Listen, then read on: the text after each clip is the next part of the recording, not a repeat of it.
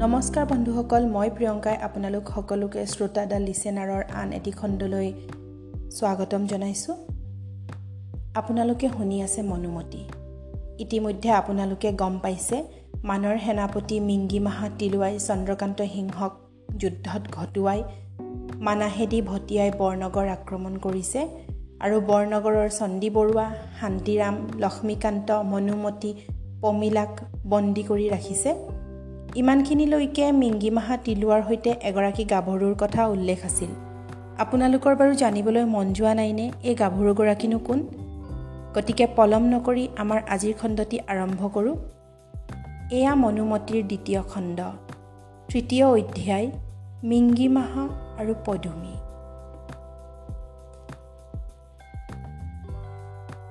মইনবৰী গাঁৱত মানৰ সেনাপতি মিংগিমাহা যিটো হাউলিত আছিল সেই হাউলিটো ডাঙৰ। তাৰ সন্মুখতে এখন চোতাল। সেই চোতালৰ দুয়োকাষে উত্তৰে আৰু দক্ষিণে দুখন ডাঙৰ বাৰী। হাউলিটো সোঁ মাজতে আঠোটা ঘৰ আৰু সেই ঘৰবিলাকৰ পশ্চিমে এখন ডাঙৰ পাঁচবাৰী চৌৰাঘৰটো সন্মুখতে উত্তৰা দক্ষিণাভাৱে ঘৰটো দুপুলীয়া।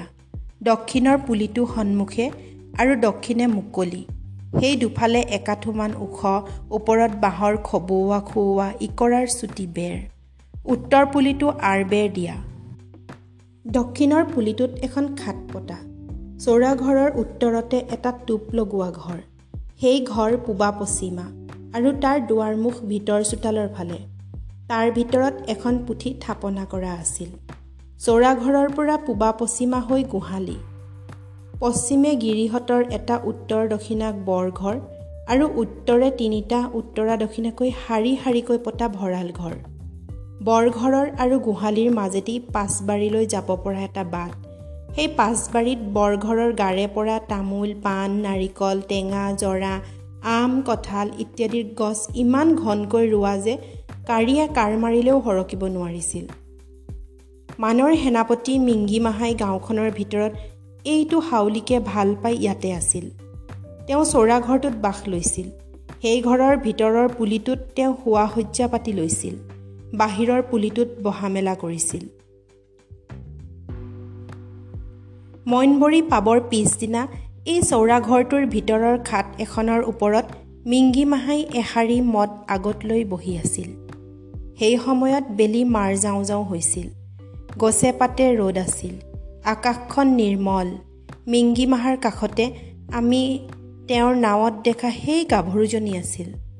তেওঁ সেইদিনা বৰ ধুনীয়াকৈ সাজপাৰ কৰিছিল আৰু মিংগিমাহাৰ কাষত বহি দাপোন এখন চাই ভালকৈ মূৰটো মেলাবলৈ ধৰিছিল।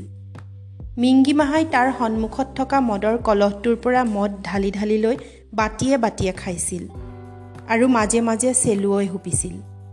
তাৰ বাতিৰ একোটুপি মদ গাভৰুজনীকো খুৱাইছিল।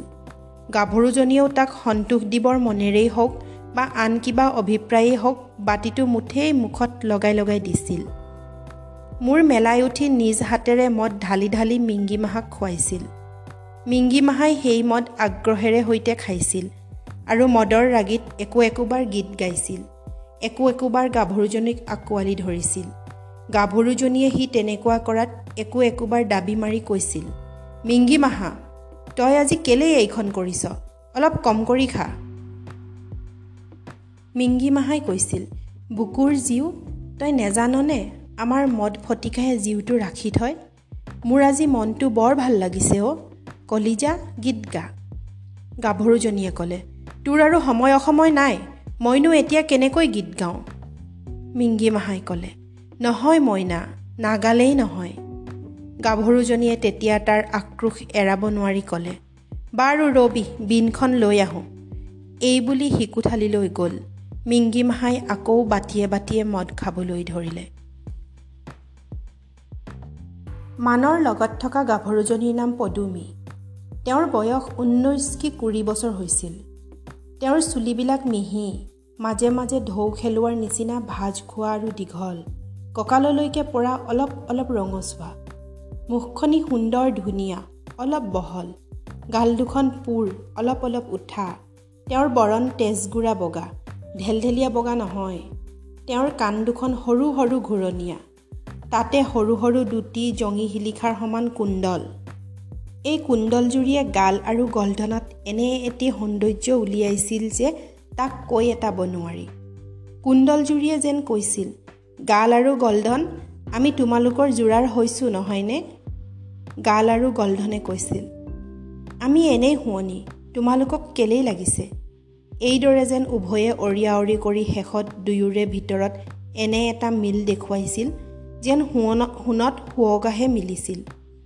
পদুমীৰ চকুজুৰি উজ্জ্বল আৰু ক'লা ওপৰৰ ভুৰুজুৰি যেন তুলিৰেহে অঁকা নাকটো দীঘল টনটনীয়া সাইলাখ বাঁহী এটিৰ দৰে। থুতুৰিটো ঘূৰণীয়া ডিঙিটো নিয়মৰ চুটিও নহয় দীঘলো নহয় তেওঁৰ হাত দুখন ঠগুৱা দুয়োখন হাতেই ঘূৰণীয়া যেন কুণ্ডতহে কটোৱা। আঙুলিবিলাক আগফালে সৰু গুৰিৰ ফালে ঘূৰণীয়া। হাত দুখনত দুডাল সোণৰ বালা। সোণৰ বৰণে বোলে মইচাৰ হাতৰ বৰণে বোলে মইচাৰ পদুমীৰ গাটো শকতাবত কিন্তু সেই বুলি তেওঁ ধাদহী নাছিল। তেওঁৰ গাত এটা চোলা কঁকালৰ অলপ নমালৈকে পৰা। তেওঁৰ বুকু ওখ যেন তেওঁৰ যৌৱনৰ গোটেই ভৰটো তাতে থোপ খাইছিল। আৰু তেওঁৰ যেন মানুহৰ আগত তেওঁৰ সেই যৌৱনৰ ভৰ্তিয়ে বুকু ফিন্দাইহে ফুৰিবলৈ দিছিল।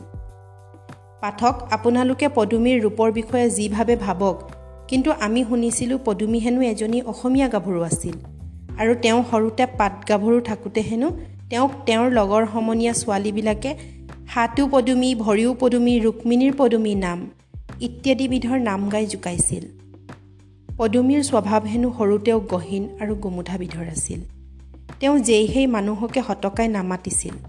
কোনোবাই কোনো কথা সুধিলে হেনো মুঠতে ওঁ বা নো এনে এটি উত্তৰহে দিছিল। মন খুলি বা বৰকৈ হাঁহি মাতি কথা বতৰা নকৈছিল। ইয়াতে হেনো তেওঁক অনেকেই গপাল স্বভাৱৰ গাভৰু বুলি থিৰ কৰিছিল। মিংগী মাহাৰ লগত পৰি তেওঁৰ গোমোঠা স্বভাৱ বেছি প্ৰবলহে হৈছিল। তেওঁক মানুহে পোন ঢালতে দেখিলে গপাল স্বভাৱৰ বুলি বিবেচনা কৰিছিল। কিন্তু যিয়েই তেওঁৰ স্বভাৱ বুজি চাবলৈ চেষ্টা কৰিছিল সিয়েই ধৰিব পাৰিছিল যে তেওঁ আচল গোমোঠা বা নি মৰমীয়াল স্বভাৱৰ নাছিল। তেওঁ দৰাচলতে গহীন আছিল আৰু কিবা এটা মন্দ প্ৰাক্তনত পৰি পাতল স্বভাৱৰ তিৰোতাৰ দৰে হায়ৌ বিয়ৌ নকৰি এটি স্থিৰ প্ৰতিজ্ঞাৰ ভাৱহে ধাৰণ কৰিছিল। তেওঁৰ হৃদয়খনো মৰমেৰে ভৰা আছিল। কিন্তু তেওঁৰ ৰাংঢালি গাভৰুৰ দৰে সেই মৰম দেখুৱাব নাজানিছিল। মৰম দেখুৱাব নেজানি হেনো ভিতৰতে দেই পুৰি মৰিছিল। পদুমীৰনো পূৰ্ব বৃত্তান্ত কি তেওঁৰনো মন্দ প্ৰাক্তন কেনেকৈ হ'ল পাঠক এই বিষয়ে লাহে লাহে জানিব।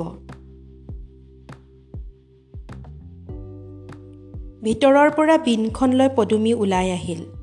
ভালকৈ চুন্দি তামোল এখন খাই চুলি মেলি মিংগী মাহাৰ আগত বহিল।